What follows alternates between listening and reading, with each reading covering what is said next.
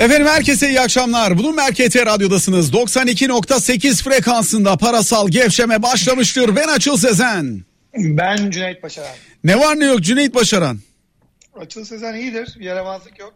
Ee, Mart görünümlü Mayıs ayındayız. 10 günden beri yağmur yağıyor buralarda. Ee, ya Londra'da mesela şey e, köpek adamı ısırmış. Londra'da yağmur yağmasının haber değeri var mı sence? Şöyle var. Geçen sene Mayıs ayı son 10 yılın en kurak Mayıs ayıymış. Bu sene e, Mayıs ayı da gene aynı 10 yılın en ıslak Mayıs ayı. Dolayısıyla böyle bir haber değeri var diyeyim. Yani geçen sene mesela hiç yağmur düşmeyen İngiltere bu sene 10 yılın rekorun düşüyor olması e, genellikle burada yağmur yağar ama iklim değişikliği ve işte ani değişiklikler etkisini gösteriyor diyeyim yani. Ya İngilizlerin bu bir yıl e, üzerinden yaptıkları okumalar ve çıkarımlara senin de katılmış olmana gerçekten hayretlerle bakıyorum şu an itibariyle. E, yeterince uzun süre kalırsan sen de bu istatistiklerin hastası olursun. Son 48 saatin en uzun şeyi. Son bir buçuk yılın bilmem nesi falan. Son 48 saatin en uzun 48 saati falan diye. Bayılıyorlar o istatistiklere. Değil mi? Ama son 72 saatin en uzun 72 saati kripto varlıklarda gerçekleşti. Eğer iznin olursa önce bu konuyla ilgili görüşlerini ALB Coin Araştırma Müdürü Helin Çelik'le konuşmak sonrasında da seninle bununla ilgili tartışmak isterim. Sevgili Helin Çelik. Açıl Bey merhabalar, iyi yayınlar. Teşekkür ediyoruz. Son 72 saatin en uzun 72 saati oldu mu gerçekten? İki hafta sonundan bu yana o kripto varlıklarda ne oluyor? Niye bir durdukları yerde duramıyor bu gençler? Gerçekten en zor 72 saat diyebiliriz. Çünkü e, bir kritik evre vardı. Tam toparlandı, toparlanacak derken e, Çin gerçekten arka arkaya bombardımana tutmuş oldu piyasayı ve e, peşi sıra zaten biliyorsunuz dominans düştü düştü direnç yok derken biz e, tabii ki haberlerin de etkisiyle teknik bir düzeltme de bekleniyordu. Tekrar bir çakıldı diyebiliriz deyim yerindeyse 30 binleri gördük yine. E, şimdi biraz toparlanmaya çalışıyor haliyle. Bitcoin dominansındaki artış ve e, o aşırı satım bölgesinden gelen reaksiyon biraz umut verici piyasa adına. 37.500 civarından fiyatlanıyor şu an an itibariyle.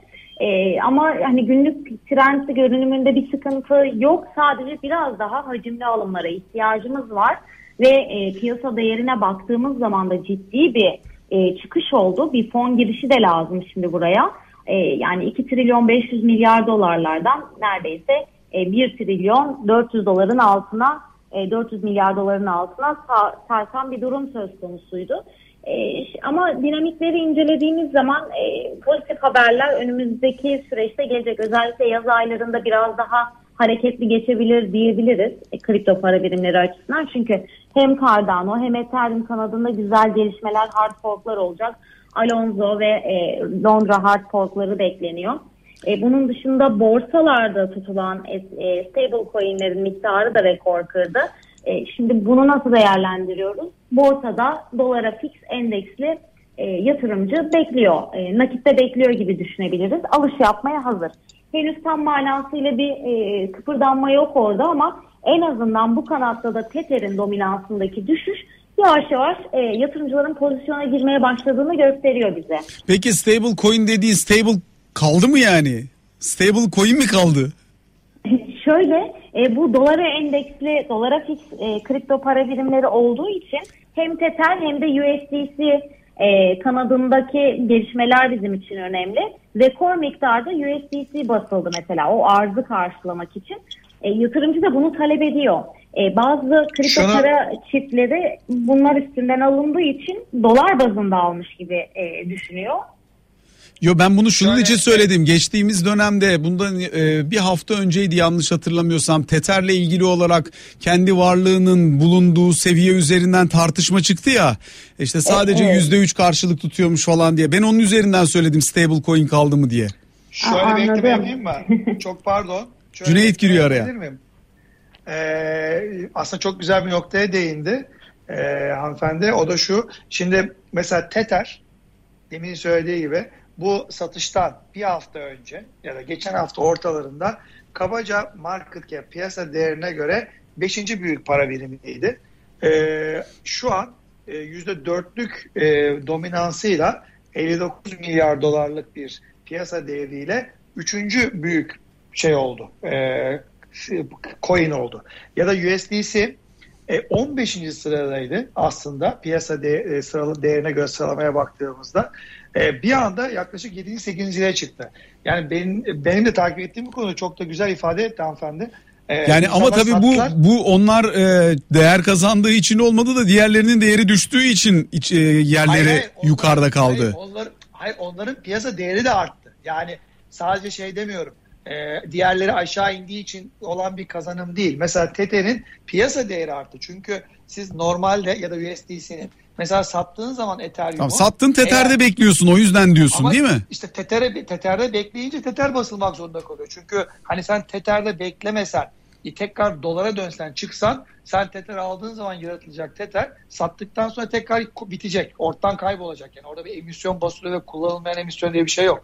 Bu e, insanların kripto parada pozisyonlarından çıkıp ama kripto para dünyasından çıkmadan stable bir yerde, dolara endeksli bir yerde park edeyim tekrar zaman geldi girerim anlamına geliyor. Ben yanlış anlamıyorsam ama işi uzmanına soralım istersen bir daha. Doğru mu söylüyor? Evet evet. Kesinlikle e, Cüneyt Bey doğru söylüyor. Şimdi komple pozisyondan çıkıp piyasada piyasayı terk etmek yerine e, pozisyonu bozduğu zaman e, tetere dönmüş oluyor. Yani mesela özellikle yurt dışı borsalarda ya da e, USDT çiftinde işlem yapan e, Türk borsalardan da bu çifte işlem yapıyorsa e, Bitcoin dolar paritesinde BTC e, USDT kanadından mesela longda satıyor elinde Tether kalmış oluyor.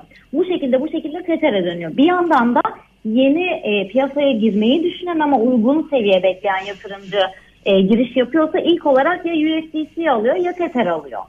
E, hatta gün itibariyle USDC kanadında e, öyle bir şey meydana geldi ki 6 milyar dolarlık USDC basıldı o arzı karşılamak için. E, şimdi pozisyonda hazır elinde e, bir stable coin bekletiyor ve e, kafasına göre uygun bir yere gelirse eğer piyasa yüklü miktarda alım yapmaya hazır demek oluyor.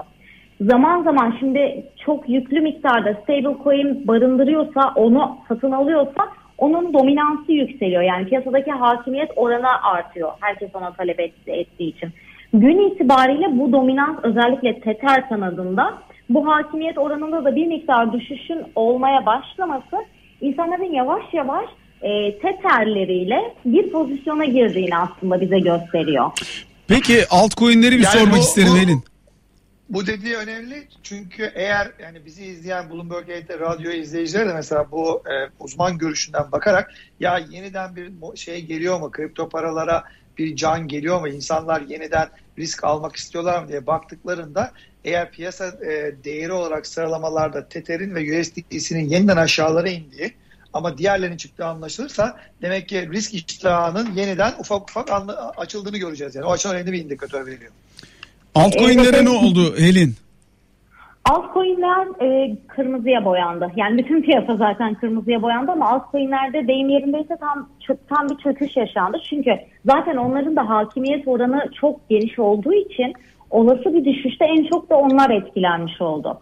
E, mesela e, Chiliz, Cardano, e, Polkadot, e, XRP bu gibi kripto para birimleri hani dipleri görmüş oldu. Yavaş yavaş onlar da toparlamaya çalışıyor ama şu an itibariyle lokomotif ne dersiniz? Lokomotif hala Bitcoin. Önce Bitcoin'in toparlanması biraz direnç kazanması lazım. Ki burada da yine dominanslara baktığımız zaman e, Bitcoin dominansında bir toparlanma olduğunu gözlemliyoruz. Yani son 3 yılın en düşük dominans seviyesini gördükten sonra şu an itibariyle e, hali hazırda kontrol ettiğim zaman %45'lere çıktı. Yani %39'dan %45'e bu düşüş sonrasında çıkan bir dominans var. Bir diğer açıdan şey umut verici asıl 12 e, Mayıs'tan beri yaşanan düşüşte Bitcoin biriktiren adres sayısı da rekor kırdı. Yani bu neye göre hesaplanıyor? Mining adresleri hariç tutuluyor ya da herhangi bir harcama e, yapılan adresler hariç tutuluyor. Bunlar dışarıda bırakılarak sadece içeri coin alan adreslerin skalasına baktığımız zaman 20 bin adet yeni adres var ve böylelikle 550 e, bine yükselmiş oldu bu adres sayıları da. Yani birileri satıyor ama alttan güzel toparlayıcılar var e, ve harcama yapmadan e, stok yapmaya yönelik aksiyonlar var. Hepsini birleştirince aslında buraların e, tam da trend desteğinden e, almaya başladığı dönüşten sonrasına gelmesi biraz umut verici olarak adlandırılıyor. Cüneyt ne dersin? Katılıyorum ve hatta e, bir şey daha ekleyeyim ona.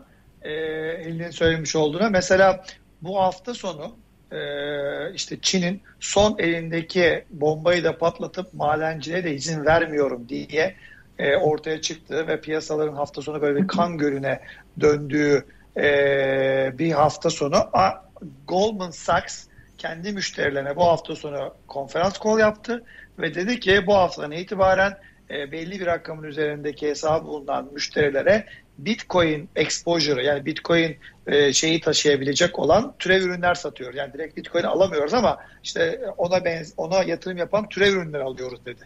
Buradan da şuraya bağlayacağım konuyu. E, birkaç şey var bu e, düşüşte pozitif yazılabilecek. Bir defa yılın eğer ocağın da Şubat'ında pozisyon almaya başladıysanız, Ocak Şubat'ta itibaren pozisyon almaya başladıysanız kriptoda muhtemelen bu bir, bir hafta canınızı okumuştur. Yani kazandığınız bütün parayı çok büyük ihtimalle vermişsinizdir. Hele Mart'tan sonra falan girdiyseniz muhtemelen %30 %40 zararlar oluşmuştur bir noktada. Bu bir. Ama iyi haber ne dersen iyi haber şu. Bu kadar ciddi satış yapılırken patlayan çatlayan olmadı. Bu kadar ciddi satış yaparken mesela leverage'lar, kaldıraçlı işlemler takır takır kapanırken hani bir glitch oluşmadı. Algoritmalarda bir tıkanıklık olmadı. Bu kadar ciddi satış yapılırken ve gerçekten Çin'den kaynaklı soğuk cüzdanlardan gelen hesaplar satılmak zorunda kalırken anladığımız kadarıyla bunu karşılayan başka bir likitte geldi. Özellikle batı kaynaklı ve kurumsalın da olduğu bir şey. O yüzden fiyat konusunda bir şey diyemem. O Helin Hanım'ın işi. Ben o konuya girmeyeyim. Ama daha dağılması, işlerin, ellerin dağılması, doğu batı dengesinin daha iyi oturması, kurumsal versus ya da kurumsal karşılığında işte Bitcoin'e 20 yıl evvel yatırım yapanların daha e, dağınık hale gelmesi bence daha sağlıklı bir piyasaya gittiğini söylüyor. Helin son olarak şunu sorayım. Buralarda tırnak içinde söyleyeyim bayağı yatırımcı dünya çapında sopa yedi. Buradaki e, bu kayıplara maruz kalmış olan yatırımcılara siz ne diyorsunuz? Şimdi ellerinde bir takım diyelim ki altcoin'ler var. Bir miktar işte Bitcoin olabilir, Ethereum olabilir, diğerleri olabilir. Buralarda sıkışmış durumdalar. Bunlara ne öneriyorsunuz siz? Evet açıkçası şöyle toplandıysa yapacak bir şey yok ya yeniden bir miktar risk alacak ve sil baştan bir pozisyon yaratmaya çalışacak uygun bir yerden. Ama elinde eğer ürünü varsa e, Cüneyt Bey'in de dediği gibi özellikle e, ya yıl başından ya da e, Mart'tan itibaren bir pozisyona girdiyse oradaki kayıplar henüz silinme silinmiş değil. E, maliyet dengeleme yoluna gidebilir bu riskini büyütür e, biraz kendi risk algısına göre hareket edebilir ama panikle satmamasından yana bir tavır e, belki de anlamlı olur en başta söylenebilecek şey olarak. Çünkü biraz toparlanma izleri var. Önümüzde beklediğimiz altı boş olmayan bir e, haber akışı süreci var, güncellemeler var. Yine Goldman Sachs kanadından gelen bir başka güzel haber de var. Artık biliyorsunuz hani çok mesafeli yaklaşıyordu önceden ama e, yayınladığı bir raporda Ethereum taban olarak düşünülebilir e, hatta Bitcoin'e neredeyse e, kafa tutacak ölçüde gelebilir e, tarzında açıklamalarda da bulundu. Artık altlardan da işlevsel olanlar da ön plana çıkmaya başlanıyor ve geleneksel finansal devler de konuya eğiliyor. E, yani şöyle bir toparlayacak olursam biraz piyasaya e, yön verip belki e, zaten kaldıraçlı değilse toplanma da riski yok. E, bir miktar be, bekleme yoluna gidebilir panik satışı yapmadan e, çok risk almak istiyorsa benim için önemli değil diyorsa maliyet dengeleyerek bir ortalama yapabilir. Çok teşekkür ediyoruz sevgili Helin. Bizlerle birlikte olduğun için bugün. Ee, sevgili Cüneyt Başaran ne dersin nasıl değerlendirirsin bu hikayeyi? Çünkü bayağı ciddi bir baskı var. Yani bunun üzerine e, bu normal bir yatırımcı psikolojisi değil. Buradaki yatırımcıların önemli bir kısmı eskiden kalanların birazı daha önce şurada da düşmüştü, burada da düşmüştü. 2013'te şöyle olmuştu, daha sonrasında geçtiğimiz sene böyle olmuştu falan diyerek bir takım şeyler söylüyorlar ama bunun detayı üzerine bence biraz konuşmak lazım. Ne der nasıl yorumlarsın bu olanı biteni? Şimdi evet yüzdesi olarak böyle büyük satışlar oldu. Ee, doğru ama hani iki buçuk trilyon dolara çıkınca e, bir noktada bütün tokenların ya da coinlerin toplam piyasa değeri öyle bir satış geldi ki iki buçukta yakalanmadı. 2.2-2.3 trilyon dolarda yakalandı bu satışa. Satış girdabında piyasa ve bir buçuk trilyon dolar aşağısına indi. Yani kabaca böyle 3-5 gün içerisinde 700-800 milyar dolarlık para piyasadan buhar oldu.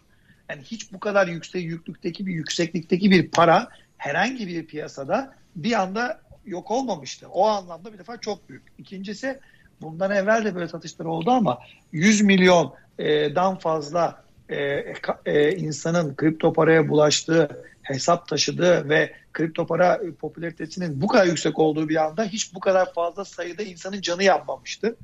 Özellikle yıl başından beri artan bir şey var ilgi var.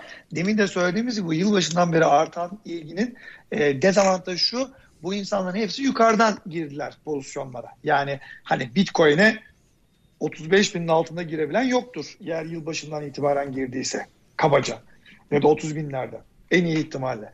Yani dolayısıyla herkes elindekini büyük oranda zarara geçti. En iyi ihtimalle aynı yere geldi. Bazıları %30 %40 zarar etti.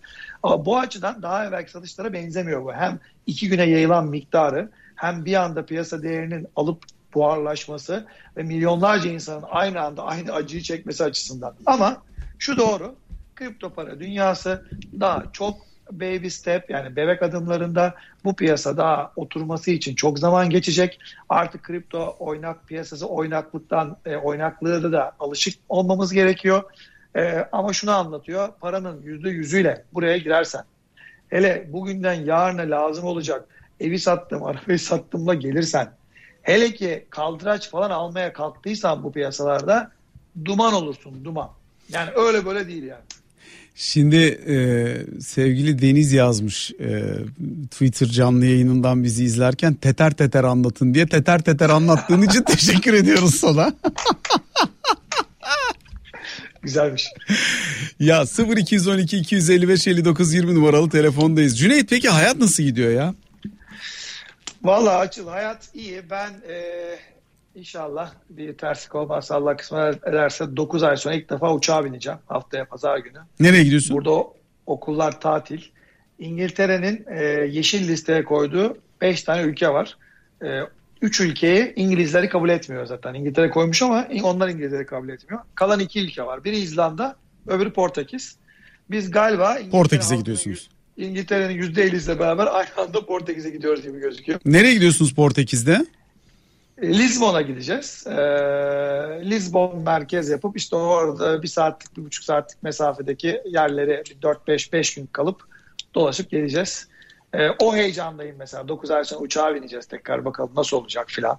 Ha şu da var ben sana söyleyeyim. Yeşil liste tamam mı Portekiz? Ne demek bu? Oraya gidebilirsin demek. Yeşil listedeyken bile e, açıl 3 defa PCR testi yaptırıyorum. Bir, buradan çıkarken Hayır ben anlamadım şimdi 3 kere PCR testi derken burnun iki deliği var. Bir kere yaptılar sonra? İşte onlardan 3 tane. Yani burun, burun deliklerine onları soktun ettin onu verdin. Okey dediler. Ha bu arada bir PCR testi Türkiye'de ne kadar? Burada yani değişiyor 250 lira en fazla. Tavanı 250 ha, burada, lira. Burada burada 100 pound. Ne çok Öyle mu yani? Değil ya. E, çok tabii. Yani 4 kişi aile olarak gerçi hani çocuklarınki biraz daha ucuz ama yani e, 4 kişilik bir aile olarak gittiğini düşün. Hem de yeşil listedeki bir ülkeye. Aşılısın aşısın fark etmiyor. Bir buradan giderken 4 kişi PCR testi yaptırıyorsun. Portekiz'e gittin. Dönmeden önce İngiltere diyor ki uçağa binmeden 48 saat önce bir daha yaptır diyor. Orada yaptırıyorsun. 3. Yeşil liste olduğu için bir kez de buraya geldikten sonra ikinci günde yaptırıyorsun. 3 tur. Eğer turuncu listede olsaydık buraya geldikten sonra iki defa daha yaptıracaktık. Yani şaka gibi. Ya şimdi ben anlıyorum bunu da pound olmuş 12 lira. Hiç üzülmüyorum senin için. Abi pound 12 lira da TL'le değil ki bir şey PCR testi. Gene poundla. İster 20 lira olsun. 100 pound 100 pound yani. Hmm, Bak, sevgili şey... Cüneyt tatile giderken Portekiz'e 3 kere PCR testi yapıp kişi başına 300 pound veriyormuş. Toplam 1200 pound'a gidecekmiş. Aa falan diye yani anladın mı? yani diyeceksin ki gitme o zaman. Ama ben niye gidiyorum? Ya bakalım Covid ortamında gidilebiliyor mu? Bir gazetecilik hmm. görevi gereği. Yani hmm, nasıl evet, oluyor evet. bu iş? Uçaklarda maske nasıl kullanılıyor? Covid ortamında eskisi gibi tatil yapabiliyor muyuz? Cebimden para harcayarak bizzat bunu yerinde görmek ve bir nevi kamu hizmeti anlamında yapıyorum. Yani. Hmm. Ama pahalıya patlıyor tabii. E tabii kamu hizmeti ucuz değil.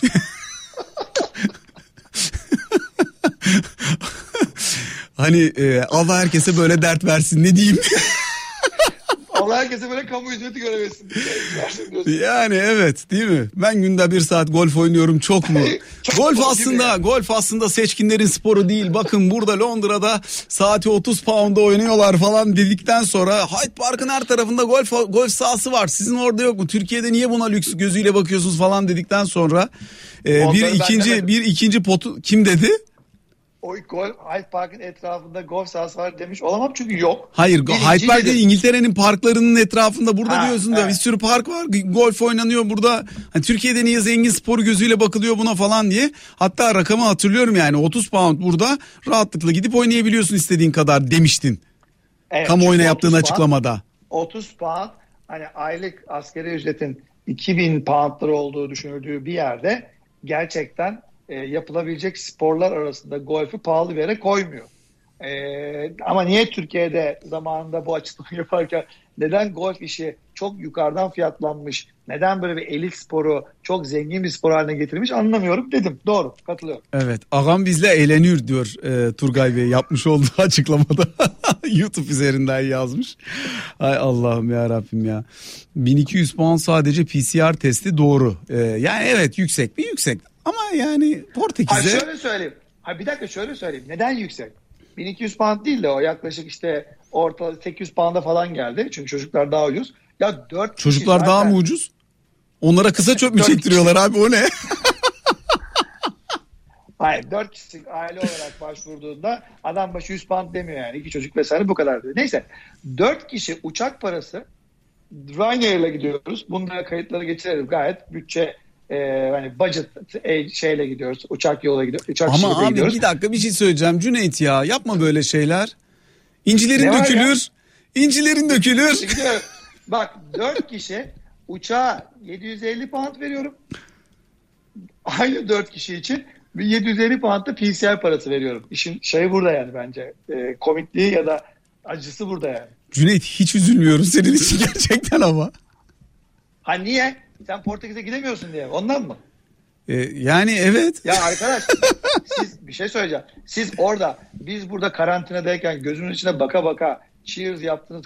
Her, her türlü yemekleri yediniz. Eğlenceleri yaptınız. Burada hiçbir şey yok. Çok güzel. Şekerim tamam da biz oturduğumuz Ka- yerde yaptık. Biz kayak oturduğumuz yerde yaptık. gidildi. 3 saat, Bir 3,5 dakika, bir saat uçuş yapıp Portekiz'de gezmeye gitmedik. Bir dakika. Türkiye'nin dört bir köşesinden kayak tatillerden Instagram'lara fotoğraflar paylaşıldı. Bütün İngiltere karantinadayken. Ee, Sapancası'ndan e, Bodrum'una, Çeşmesi'nden bir taraflarına her taraf diğer yerlerden ay işte Covid ortamı var ama çok güzel burada kendimizi koruyoruz mesajları paylaşıldı. Dur ya biz daha yeni çıkabildik karantinadan. Yeni kendimize geldik. Ben onu anlıyorum ona bir şey demiyorum ama biz kendi memleketimizde yedik içtik. Ha o açıdan şey diyorsun. Ha, doğru. Evet. Burada Bu arada memlekette işin, bir şey yok. işin şakası bir yana hakikaten Lizbon harika bir yer ben çok seviyorum. E, ayrıca Avrupa'nın en ucuz şehirlerinden bir tanesi Lizbon. Yani diğer Avrupa Evet, Birliği ülkeleriyle kıyaslandığında da gayet makul. Ama ben senin yerinde olsam Porto'ya gitmeyi tercih ederdim. Porto ben- harika bir kent. Yani eğer yapıp e, bir şekilde planlamanızın içine dahil edebiliyorsanız iki ya da üç gününüzü Porto'da geçirmeye değer. Hatta Aslında biz hatta Lizbon'a, biz Lizbon'a gittik daha evvel karı koca. Ee, yani biz de bir 7-8 sene önce gitmiştik. Ee, Porto'yu şundan dolayı yapamadık. Çocuklar biraz daha böyle deniz meniz falan istediler. Yani e, ne yapacağız şehir turu şehir turu falan deyince işte Lizbon yakınlarında öyle birkaç tane e, sayfa yeri iyi bir yer bulabildik. E, yoksa Porto'yu ben görmedim. Ben de çok merak ediyorum. Ama galiba bu 4 gece 5 günlük tatilde bunu beceremeyeceğiz. Yani Porto içinden su geçen harika şehirlerden bir tanesi. Biz oraya gittiğimizde ünlü Porto'nun eski kalecisi vardı. Portekiz milli takımının da kalesini korumuştu. Vitor Baia hatırlar mısın? Hmm, hatırlarım tabii. Onun, bir şey var, tane mi? onun bir tane restoranı var. Çok Evet, lüks, evet. çok şık, çok güzel bir restoran. Mesela orada harika bir yemek yemiştik. O yüzden e, hani keşke fırsatınız olsa oraya gidebilseniz. Yani Lizbon'u hele de gördüysen çok ekstra bir Ya katkı ben- sağlamayacaktır sana. Ben hakikaten şu an e, hani geçen yıl Ağustos ayında Türkiye'den döndük. E, bu a- şey bu hayaller Türkiye'de tabii bu arada. Yani hayaller Portekiz falan değildi. Biz bu okul tatilinde biniyorduk uçağa Türkiye'ye geliyorduk. Herkes hazırdı buna. Anneanneler, babaanneler bekliyordu. Biz heyecanlıydık. 9 ay sonra Türkiye'ye gelecektik. O patlayınca zaten e, burası buraya döndük. E, şu an için hakikaten hani sohbet buradan yürüdü diye söylüyorum. E, öncelik ya bir değişiklik olsun. Hani uçağa binmek bir şey değil ama bu ortamdan bir çıkabilelim. Biraz güneş görebilelim. Çünkü güneş göremiyoruz bu memlekette. Filan yani bunlar. Mustafa Bey demiş ki Açıl Bey'in 300 pound ağlaması kaliteli sohbet. Barış Özpolat demiş ki tweet atmışlar. Şu an hislerimize tercümansın biz de pek üzülmedik Cüneyt Başaran'ı diyorlar. Ondan sonra takipçilerimizden gelen şey tepkileri söyle. okuyacağım sana. Mustafa Bey diyor şey- ki bir şey yine söyle. Twitter'dan bu sefer canlı yayından stand-up tadında bir program oluyor. Ondan sonra Süheyla Hanım demiş ki hayaller Süheyla Hanım değil mi? Evet Süheyla Hanım. Hayaller Türkiye keyifler Portekiz'de. Ondan sonra e, böyle yani. Bir şey söyleyeceğim. Bakın e, tabii ki şu an e, anlayabiliyorum. Hani sonuçta pound olmuş bilmem ne kadar, euro olmuş bilmem ne kadar Türkiye'den e, eskisi gibi yani 3 günlüğüne şuraya gidelim, 4 günlüğüne buraya gidelim, TL kazanan bir vatandaşımızın ne hissettiğini çok net anlayabiliyorum. Hiç o konuda en ufak şakasını bile yapmayacağım. Çünkü şaka yapılamayacak kadar konu dramatik ve can sıkıcı. Too big to fail diyorsun değil mi? Ya o gerçekten hani şakası bile hoş değil yani öyle söyleyeyim. Ve fakat başka bir konuya geçiyorum.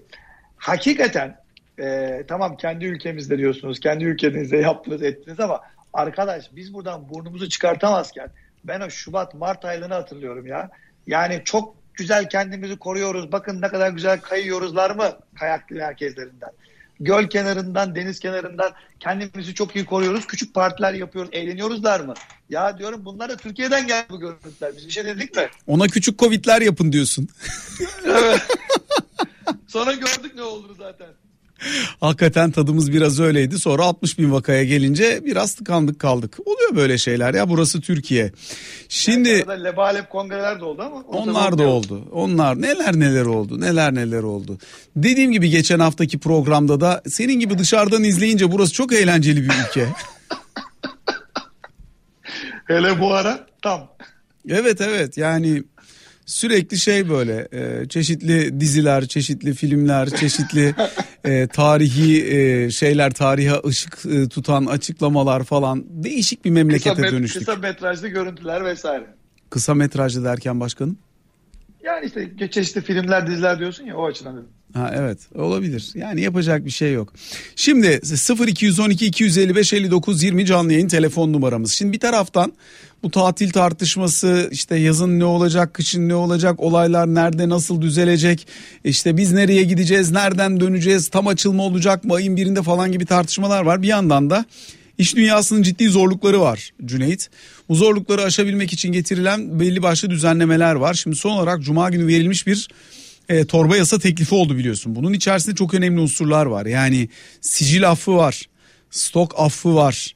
Aynı zamanda e, demirbaşların yeniden değerlemesi, enflasyon farkı düzeltmesi var. Ortakların şirket kasasına olan borçlarının yeniden düzenlenmesi var. Matrah artırımı ve vergi artırımı var. Dolayısıyla bütün bunlar iş dünyasını çok doğrudan etkileyebilecek. Ama Türkiye'de finansal sistemin de çok tartışılabileceği alanlar açıyor bize. Bunlarla ilgili görüşlerini alacağım ama öncesinde 0212 255 59 20'de bu akşamın ilk dinleyicisi kimmiş onu alalım. Mesut Bey buyurun. Merhaba. Merhabalar efendim buyurunuz. Fedakarca gösterdiği. Pek duyamadık sesinizi bir baştan alabilir miyiz? Duyabiliyor musunuz? Şimdi duyuyoruz efendim buyurun. Öncelikle diyorum Cüneyt Bey'e bu fedakarca davranışından dolayı çok teşekkür ediyoruz. Yapacağı turizm araştırması için. Sağ olun çok teşekkür ederim. Bir yardım kampanyası falan mı başlatsak diye düşündüm. Yok yok ben o işi hallettim. Onu ben tamam o bende o iş. Maske dağıtıp gelecekmiş Cüneyt. evet. Çok güzel. Benim şimdi ya ben yıllardır sizi takip ediyorum. Siyasetle ilgili herhangi bir e, yorum yapmadığınızı da biliyorum da.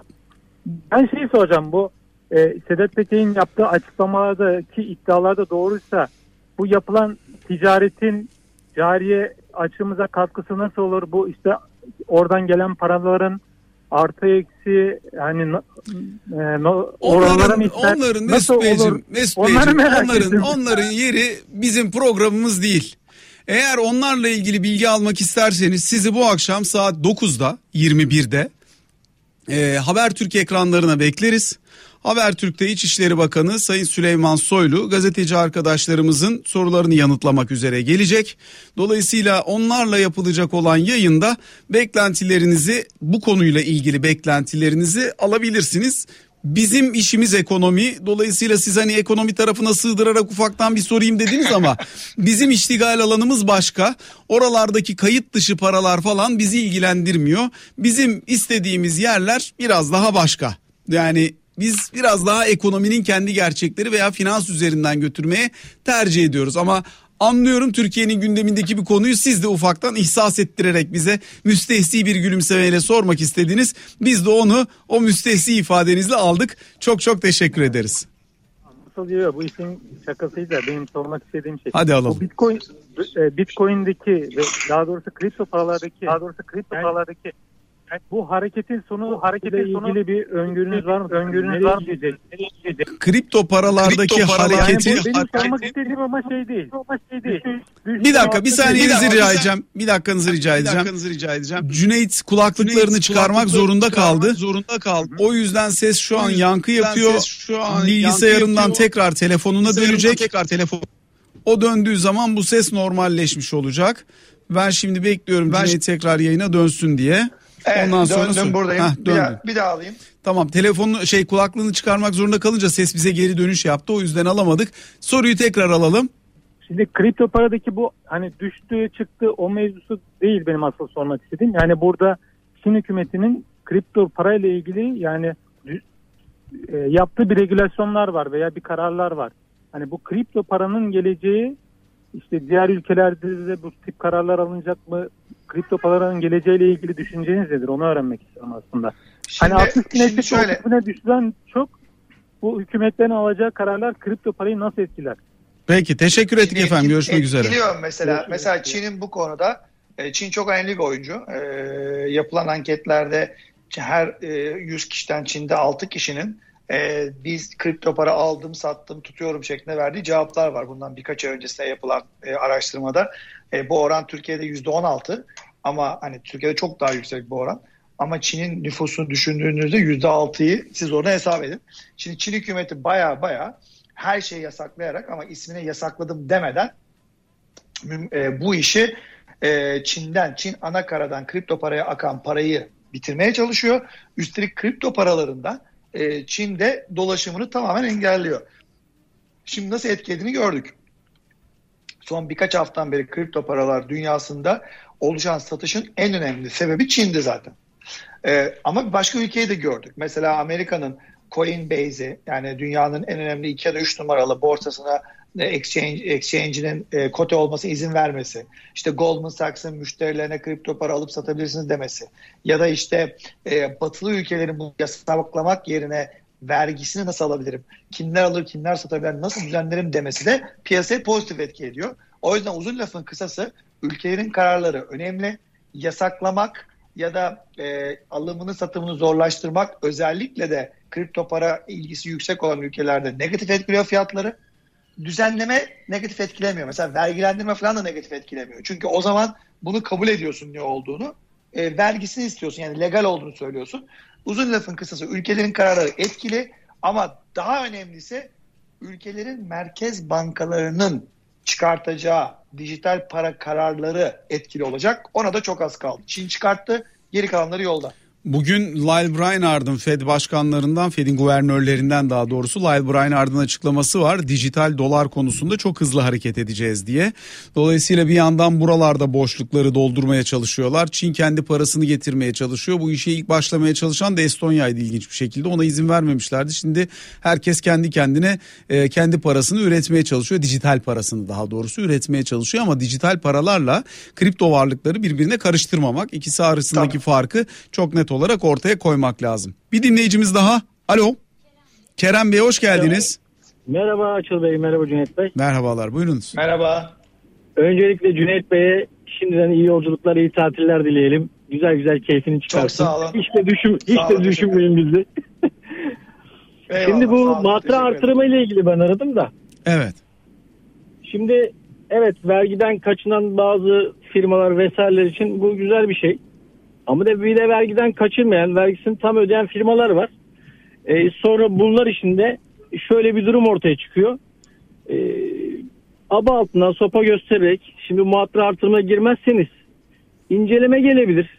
Sonra kaşınızın üstünde gözünüz var diye bak ceza yiyebilirsiniz. Siz de girin matra artırımına diye zorlanabiliyoruz. Bu Şimdi ama eskiden beri hep vardır. Maliye geleneğinde de vardır. Matrah artırımı çıkarsa arkasından böyle bir e, şey gelir. Yani e, bir denetim süreci olabilir. Dolayısıyla bunlara dikkat etmek lazım. Ama hem ödedik hem suçlu olduk şimdi nasıl olacak bu iş? Niye yani? ödediniz ve suçlu ya. oldunuz? E şimdi ama bir daha matra Ödeyene değil ki girmez- bakın matrah artırımına katılmazsanız e, eğer geçmişten kalan bir şeyiniz varsa hani sorunlu olabilecek bir ödemeniz veya işte sorunlu olabilecek bir muazzalı meseleniz varsa ve matrah artırını, artırımına katılmıyorsanız sizin için tehdit var. Ama her türlü yoruma açık bir konu mu şimdi? Yok yani genelde öyle olmuyor. Eğer 2000 kaçacağınız bir yer yoksa yani kaçacağınız derken hani olmuştur gözden kaçmıştır aralara bazı faturalar sıkışmıştır öyle problemler olmuştur. Bunlardan yana bir şeyiniz yoksa soru işaretiniz yoksa matra artırımına katılmak zorunda değilsiniz. Bizzat yaşadığım şeyi söylüyorum. Ee, arkadaşlar inceledi inceledi hiçbir şey bulamayınca 5 TL'lik yemek fatura fişini sen fiş olarak alamazsın bu fatura olmalıydı deyip gene cezayı kesti. Onu ne yapacağız? İşte olabiliyor böyle şey. O yüzden dedim biraz önce. Yani hani her şeyinizden eminseniz katılmayabilirsiniz dedim. Ya bu po- polis çevirmesinde trafik polisinin arabada bir eksik bulmak için çabalayıp bulmasına benziyor.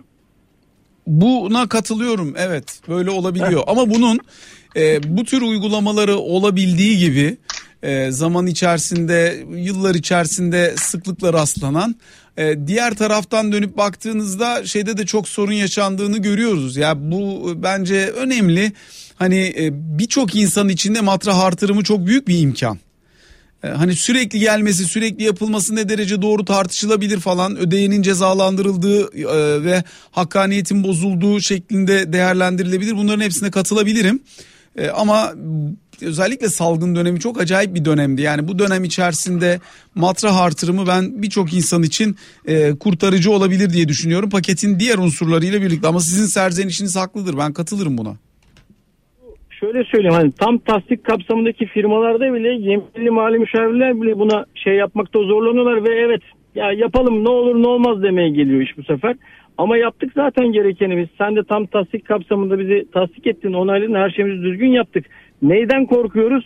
Ama ama geliyor arkasından bir tane. O ama işte can sıkıncı. Bu kadar emek, yıllardır her şeyini dört dörtlük yapmaya çalışan bir firma olarak bu sefer canı sıkılıyor insanın. E, Çok Bunları niye haklısınız. yaptık o zaman biz? Çok haklısınız. Gibi Yani. yani. Bu, bu gözden kaçıyor. Çok çok haklısınız. Yüzde, yüzde yüz katılıyorum. Çok sağ olun aradığınız için. İyi akşamlar diliyoruz. Sağ olun. İyi akşamlar. Evet Cüneyt ne dersin? Şimdi yani hakikaten iki taraflı e, bir şey bıçak iki tarafı da keskin. Bir tarafı e, ya öyle oldu böyle oldu böyle bir yılda işte geçen özellikle Covid yılında bu işleri tutturmak çok zordu. E, dolayısıyla nasıl şimdi geriye dönüp bu işleri halledeceğiz ki diye bekleyenler için alın size bir fırsat matra arttırımıyla e, bu tür geriye dönük olabilecek olan incelemelerde başınızın ağrımaması için bunu kullanın e, şansı. Öbür taraftan da e, ben kullanmayacağım çünkü hani yeme yani sonuçta ne yaptığımı çok iyi biliyorum. E, zaten işimi düzgün yaptım tamam Covid ortamı vesaire ama bende bir sıkıntı olmadı. Madde artırımına girmiyorum ben diyerek aslında bir nevi e, ben girmiyorum kendime güveniyorum mesajı vermek. Şimdi girmiyorum kendime güveniyorum mesajı vermek güzel bir şey. Ama aynı zamanda eğer deminki izleyicimizin söylediği gibi ha girmiyor musun? O zaman bir bakalım aranızdan 15 kişiye 20 kişiye girmiyorsunuz ama neyinize güveniyorsunuz denmesi söz konusu olabilir mi? Söz konusu olduğunda bu normal bir gözlemi daha detaylı daha deminki arkadaşımızın verdiği gibi inceleyici bir gözleme yapılacak. Yani matrah artırımını hakikaten sektörden gelen talep üzerine yapıyor olmak ve bunu bir e, şans olarak adletmek e, iyi bir şey ama yeterince sayıya ulaşamadık ya da beklendiği kadar insan kullanmadı gibi çıkarımlarla bunu o zaman şu kullanmayanların üzerine bir gidelim bakalım denmesi de, de sıkıntılı bir şey olur açıkçası yani. Peki bir dinleyicimiz daha var. Alo. Atakan Bey hoş geldiniz. Merhaba, hoş bulduk. kolay gelsin. Hepinizi zevkle, keyifle dinliyorum. Öncelikle onu söyleyeyim. İyi akşamlar diliyorum. Çok teşekkür ederiz efendim. İyi Sağ olun. akşamlar. Buyurun. Sağ olun. Yani gerçekten çok büyük katkılar sunuyorsunuz. Ee, finansal ve ekonominin e, e, genel kitleye ulaşımı anlamında. Ama çok küçük bir eleştirim olacak veya anlayamadığım bir şey olabilir. Her zaman. Ekonomiyle e, naçizane ilgilenen birisi olarak. Şöyle şimdi e, Merkez Bankası Başkanı'nın değişimi ve e, Merkez Bankası'nın faiz politikalarıyla ilgili e, böyle çok yadırganan e, agresif değişiklerle ilgili genelde e, siyasi e, bir takım söylemler oldu. Benim görüşüme göre şudur, e, bu aslında bir makas değişimiydi. Yani e, şöyle e, cari e, açıkla ilgili e, sıcak paranın e, yüksek faizle gelip daha sonra e, belli bir e, faz farkıyla yurt dışına dönmesinde bununla ilgili yöntemler e, çoğu defa denendi büyüme ve işte e, büyüme tercihi. E, burada işte Naci Ağbal'ın görevden alınmasıyla ilgili e, faizlerin de düşüşü e, aslında doğru bir politikaydı diye düşünüyorum. Çünkü burada sıcak paranın bence hükümet şöyle bir şey yaptı. E, yorum yaptı. Merkez Bankası'nda da çok değerli arkadaşlarım var, bürokratlar var. E, şunu yaptılar bence. Çok uzun vaktinizi almak istemiyorum. E, sadece o 50 saniye daha konuşacağım. Şunu yaptılar. Bunlar daha önce denendi. E, fakat e, düşük kurla e, e, sıcak paranın gelip daha sonra 5 ay sonra 6 ay sonra yüksek kurla tekrar gitmesi e, e, bu daha önce yaşadığımız e, birçok senaryodan e, bizim hafızalarımızda var. Ama bunu nedense e, hiç kimse bu şekilde yorumlamadı. Yani şu anda yüksek kur ihracatla ilgili, mali disiplinle ilgili daha doğru bir politika. Yüksek E, kur neden- mali politika açısından daha mı iyi diyorsunuz? yüksek kur mali politika açısından kesinlikle daha iyi. Neden? Çünkü ihracatla ilgili e, döviz gelirlerine bizim ihtiyacımız var. Yani sıcak parayla ne oluyor? E, fonlar gelip yüksek kurla paralarını bozdurup e, faize yatırıp belli bir faz farkıyla 3 ay sonra 6 ay sonra 9 ay sonra e, daha düşük kurlarla çıkıp işte e, Amerika'da yüzde bir, bir buçuk faiz geliri elde etmek için 50 tane takla atan e, fonlar burada yüzde 10-15 e, dövizle geri çıkıyorlardı. Bunu neden hiç kimse dile getirmiyor? Yani Peki bunu neden- size iki tane şey sorayım mı? Evet. Bir tanesi 2003 2013 arasındaki 10 sene boyunca o sıcak para dediğiniz paranın Türkiye'ye gelip kaldığı arkasından onun beraberinde ulusal refah fonlarının geldiği onun beraberinde uluslararası yatırımların Türkiye'de zirve yaptığı, uluslararası doğrudan yatırımların Türkiye'de zirve yaptığı bir dönem vardı mesela. Demek ki o para çok da kısa vadede gitmeye biliyormuş da bazen. Bir bunu hatırlatmak isterim size. İkincisi Türkiye'de biz sizin söylediğiniz metodu da denedik. 2017 sonu 2018 Ağustos'una kadar geçen süre zarfında. Yani daha doğrusu 2018'den pardon düzelteyim 2018 e, Ağustos'undan başladık. Hatta bunun belki biraz daha ileriden başlatıp 2019 e, yılında yerel seçim öncesinden de alabilirsiniz. Geçen yılın Kasım ayına kadar. Yani bir, bir buçuk seneye yakın bir süre biz bu, bu sizin söylediğiniz bize hiç sıcak para gelmesin politikasını da denedik. Sonuç itibariyle ben bütçe tarafını söyleyeyim kalanını Cüneyt'e bırakayım. Şu an itibariyle geldiğiniz noktada ithalden alınan KDV'den bakın. İhracat üzerinden elde edebildiğiniz bütçe gelirine bakın. Bir taraftan da kurunuz yükseldiği için istikrarsızlık hat safhaya ulaştığı için para politikası kararlarında ülkenizin hazinesinin borçlanmak zorunda olduğu ödediği faize bakın. Bugün Türkiye'de Arçelik Türkiye Cumhuriyeti hazinesinden daha ucuza borçlanıyorsa burada belli başlı soru işaretleri olabilir mi? Sizin son bir, bir buçuk sene içerisinde uyguladığınız politikanın maliyeti aslında Türkiye Cumhuriyeti hazinesinin maliyesinin elde ettiği ihracat ya da ithalat daha e, da, e, ithalattan alınan e, KDV geliri dikkate alındığında acaba neresine denk geliyor? Hazinenizin borçlanma maliyetinin bir anda 12'lerden 19-20'lere çıkmış olması artı dış borçlanmada ödediğiniz altılık yedilik faizlere gelmeniz. Böyle baktığınız zaman artısıyla eksisine arada baya bir fark var gibi görünüyor bence diğeri tarafına ama Cüneyt ne dersin? Şimdi aslında e, iyi yani iki tane farklı modeli karşılaştırıyoruz orada. Senin söylediğin dönemle e, ondan sonraki Naci Ağbal dönemi ya da e, işte o 2019 başında başındaki dönem.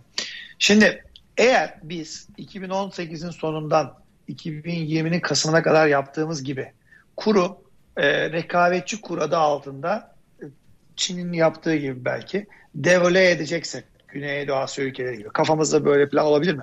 Var. Diyelim ki kuru devole edeceğiz. Peki başka? E, export yani ihraç odaklı bir ülke olacağız. Hazırda kur devole olmuş olduğu için stratejik önemine güvenerek imalat sanayi, servis sektörü üzerinden içeriye girdi sağlayacaksın. Peki bu da güzel. Ha bu arada zaman içerisinde de katma değerli ürün şeyini arttıracaksın. Ee, ne derler? Ee, gamını arttıracaksın ve bir Güney Kore örneği çıkmaya çalışacaksın bir süre sonra. Hadi bu da güzel. Çünkü diyorsun ki mesela mesela sürekli benim yüksek faiz aman kuru şeyde tutayım, dengede tutayım e, şeyiyle e, korkusuyla bu işin üzerinden gelemiyorum. Sıcak para geriye gidiyor. Ben bu işten bir şey anlamıyorum diyorsun. Şimdi iyi hoş da eğer bunu diyorsan 3-4 tane temel sorunu da aynı anda çözmeye çözüyor olman lazım. Soru bir. Ya arkadaş içeriye hani rekabetçi kur diyorsun. Bütün özelleştirme ihalelerini döviz e, şey üzerinden, kuru üzerinden döviz garantili bir şekilde yapmışsın, vermişsin. Ben ne anladım bu işten? Döviz kuru değersizleşsin, ihracatçı e, daha rahat ürünü satsın. Ben vatandaş olarak biraz belki safır ederim yani acı çekerim ama hiç olmazsa zaman içerisinde bir şeyler biriktirelim diyoruz. Ama her gün işte oto, oto, köprü üzerinden, otoyol üzerinden, havaalanı üzerinden döviz cinsinden kur verildiği için yani bir e, ta, taahhütte bulunulduğu için bütçeden geliyor. Bir yerden biriktirmeye çalışıyorum, bir yerden gidiyor. Bu ne bu ne lahana, bu ne per, perdiz. İki, e, eğitim sistemini ayarlamamışsın ki ben burada teknoloji üstü olacağım diyorsun. Senin hiçbir genç vatandaşın 300 euroya 400 euroya çalışmıyor basıp gidiyor. Cüneyt. Dolayısıyla sen geri kalanları geri kalanları aklına yaz. 4 dakikalık bir e, reklam aramız var. Onu vermemiz lazım. Sonrasında kaldığımız yerden devam edelim. E, ama bu arada Periskop'tan değilse de Twitter Live'dan veya YouTube'dan gelen sorularımız var. Onları yanıtlamaya çalışalım. Efendim tekrar sizlerle birlikteyiz. Bloomberg KT Radyo'dasınız. 92.8 frekansında parasal gevşeme devam ediyor. Ben Açıl Sezen. Ben Cüneyt Başaran. Cüneyt Başaran şimdi ikide kalmıştın. Son ikisini de söyle böylece bitirelim. Ee, evet son ikisi de şu. Ee, e, sen kuru yükselttin. Rekabetçi kurulacağım dedin. Hop öbür taraftan senin rekabetçi kurundan haberi olmayan ve herhangi bir şekilde bundan faydalanamayan milyonlarca insana enflasyon olarak bu cebine yansıdı alım gücü düştü. İki, e, kur rekabetçi olsun, ihracattan koşalım, coşalım derken rekabetçi kur senin işte o üniversiteyi bitirmiş, bu zor şartlardan geçmiş gencinin ya 3500 liraya, 2500 liraya bu işi yapacağıma Avrupa'ya kapağı atarım. İşte orada gerekirse Pret Manchester'da çalışırım, Starbucks'ta çalışırım, şu iş çalışırım demesine yol açtı. O orada zek beyinler aldı başını gitti.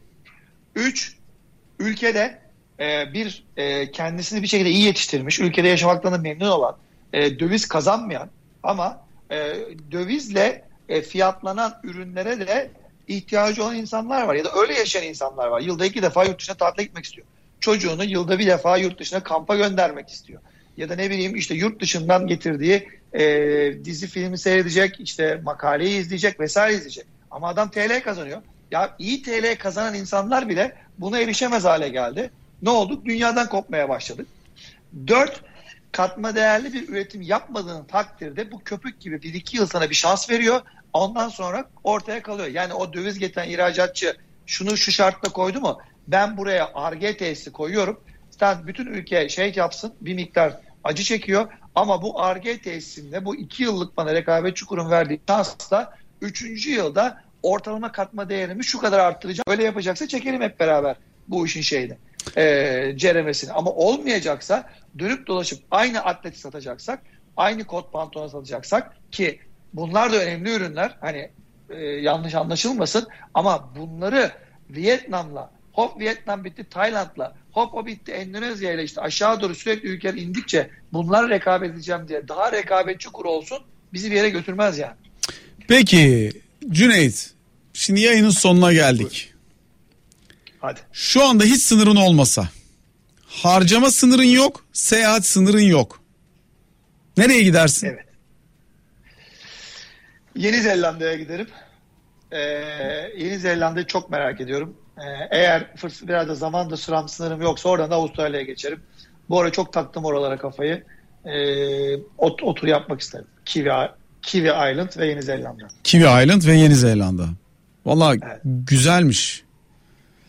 Valla yani bana da sorsan nereye gitmek istersin diye benim hiç tropik ada hayalim vesairem falan yoktur. Öyle şeyleri sevmiyorum ben. Ee, işte ne bileyim ben Maldivlere falan gitmek istemem yani mesela. Ee, benim balayında orada felaket bir anım vardır. Anlatmıştım sana daha önce hatırlarsın. Ulan balayına gittik odayı gekkolar bastı ya. Neyse. Halbuki ne kadar sempatik hayvanlar değil mi?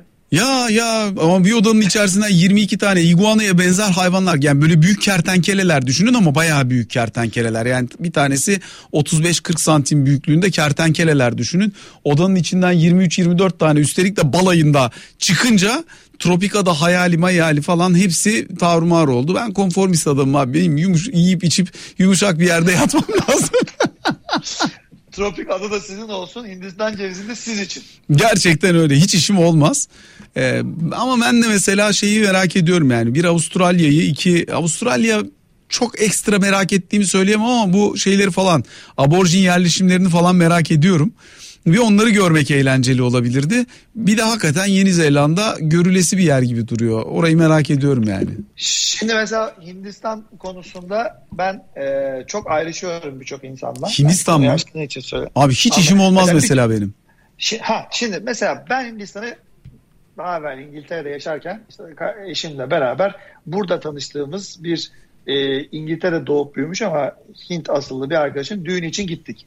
Ya gerçekten harikaydı. Hint düğünü de gördük vesaire filan hani işte zaten güzel otellerde kaldık falan ama ya bana mesela 7. günden sonra afakanlar bastı. Niye afakanlar bastı? Sadece şeyden dolayı demiyorum yani hani Hindistan'ın çok kanıksadığı ama çoğu insana göre hijyen şartlarının çok düşük olmasından bahsetmiyorum. Oraya giderken belli bir beklentiyle gidiyorsun ya da onu indiriyorsun aşağı. Fakat ya öyle bir e, sefalet var ki ve milyonlar öyle o sefalete alışmış kanıksamış ki sana diyorlar ki çık 5 yıldız otelinden ondan sonra işte arabana bin lüks arabana o insanlara baka baka Taç Mahal'i gör. Orada işte şurada güneş batımında yemeğini ye şurada dön. Ama Şurada o arada- cüzdanını çarptır gel. Ha bir de o var. Ama o arada yani gördüğün sefalet adam oturmuş dünyanın umudunu kesmiş. Yani milyonlarca, yüz binlerce öyle insan var ya. Bana bir yandan sonra ya dedim bu böyle olmaz ya. Hani ben burada yiyeceğim içeceğim. Yani orada o insan hani o- şey değil kolay kopmuş tamamen filan. Yani bu Hindistan ve benzeri Ama o ülkelerin- gençler de işte bir sonraki hayatlarında mutlu olacaklarına inanıyorlar. İnşallah olur, olurlar ve olsunlar da zaten. O kadar şey durum. O kadar çile bu hayatta çekiyorsan diyorsun. çekiyorsa Sonrakisinde sefasını sürsen iyi olur diyorsun. sürsün, sürsün bir zahmet yani öyle söyleyeyim. Ya biz mesela şeye gittiğimizde e, Bangkok'a gittiğimizde balayı için gitmiştik işte. E, Bangkok'a gittiğimizde bize dediler ki işte turlar var o turlarla gidip şey gezebilirsiniz. Tapınakları falan gezdiriyorlar. Abi şimdi birini ikisine gidiyorsun falan ama e, şimdi beni çekmiyor yani öyle şeyler anlatabiliyor muyum? Derdim yok yani böyle. Benim iç huzuru olan bir adamım. Başka şeyle derdim yok. Abi bir otobüs insan gidiyorlar bıdır bıdır bıdır oturuyorlar. Ellerinde tütsüler garip garip şeyler. Anlayamıyorsun da zaten öyle. Zaten 60 kişiyle gittiğim bir yerde otobüste ne anlayabilirsin oradaki ruhani halden anlatabiliyor muyum? Gidiyorlar geziyorlar falan. Biz artık son ikincisinde üçüncüsünde falan şey e, otobüsten inmemeye başladık. Otobüste uyuyup en azından akşam gideriz de gezeriz eğleniriz falan diye düşünmeye başladık. İnmedik bile otobüsten. Yani bizim ruhani turumuz ancak bu kadar. Ancak iki otobüs durağı kadar sürebildi. O yüzden hiç çekmiyor beni. Hindistan'ı da çekmiyor. işte diğer yerleri de çekmiyor. Ne bileyim ben mesela Nepal'e Timbuktu'ya falan gitmek istemem. Evet, Gidebileceğim bir tek bir tek yer İnka tapınakları olabilir. O medeniyeti çok severim çünkü. Aztekleri, İnkaları çok severim. Öyle bir Güney Amerika turu düşünebilirim mesela. Zaten iki alternatif olacaktı. Ben de Peru işte o e, ve ben de bahsetmiş olduğun e, İnka ve e, diğer e, medeniyetleri görmek diyebilirdim. Bir de Yeni Zelanda. Öbür uçta iki şey söyleyecektim. Bir Yeni Zelanda daha çok tabii tabiat ve görsellikten geliyor. E, ama eğer varsa böyle bir şansım gitmek isterim. Var mı Bloomberg ET olarak yorumcularına böyle bir imkanı e, gönderme planı falan? Valla biz e, bu konuyu istersen Gökhan'a söyleyelim ama alacağın cevabı burada söyleyemem. Anladım ben. Tamam peki. Okay. O zaman çok zorlamayayım ben bu konuyu. Bence de yani evet. Sen paşa Ben paşa Port- Portekiz'ine Portekiz'e git. Geleyim, Ha. gidip geleyim tadında bırakalım. Evet e, Lizbon'da adı süperle başlayan harika bir içecek var. Bol bol ondan tüket. Bir de o şey şey ne? Ee, onların tatlılarının böyle sütlaç gibi ortası ama aslında bir kura şeyin içerisinde böyle biliyor musun onu? Portekiz'den öyle bir çok meşhur bir tatlısı da ismini unuttum şimdi. Gülben mi? Hayır ya ne alakası? Yedin beni şimdi. Videoyu biliyorsun değil mi? Biliyorum. Oraya bağladın yani bravo sana. ne bileyim abi bilmiyorum. İlk defa duyuyorum Portekizli sütlü tatlı. Fotoğrafını yollayacağım sana. Tamam anlaştık. Ee, Cüneyt çok çok teşekkür ediyoruz bizlerle birlikte olduğun için bu akşam. Kendine çok iyi bak. Haftaya iyi bakınız kendinize. Haftaya ben görüşmek üzere. hafta sonra- haftaya neredesin ya?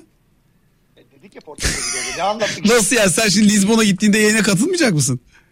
Bir zahmet, bir zahmet. Olamayacağım orada. Ama sonraki hafta... Ne gün haftalar, dönüyorsun? Hikayeler. Ee, Pazar gidiyorum, cumartesi dönüyorum.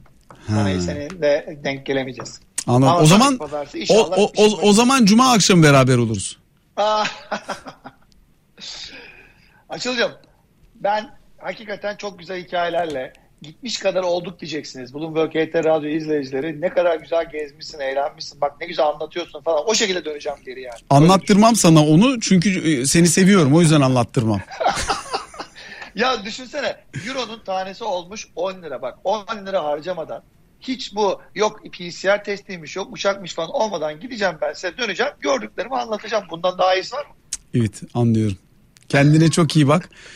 Portekiz'de Lizbon'da terli terli su içme. Görüşmek üzere. Hadi kolay gelsin görüşmek üzere bay bay.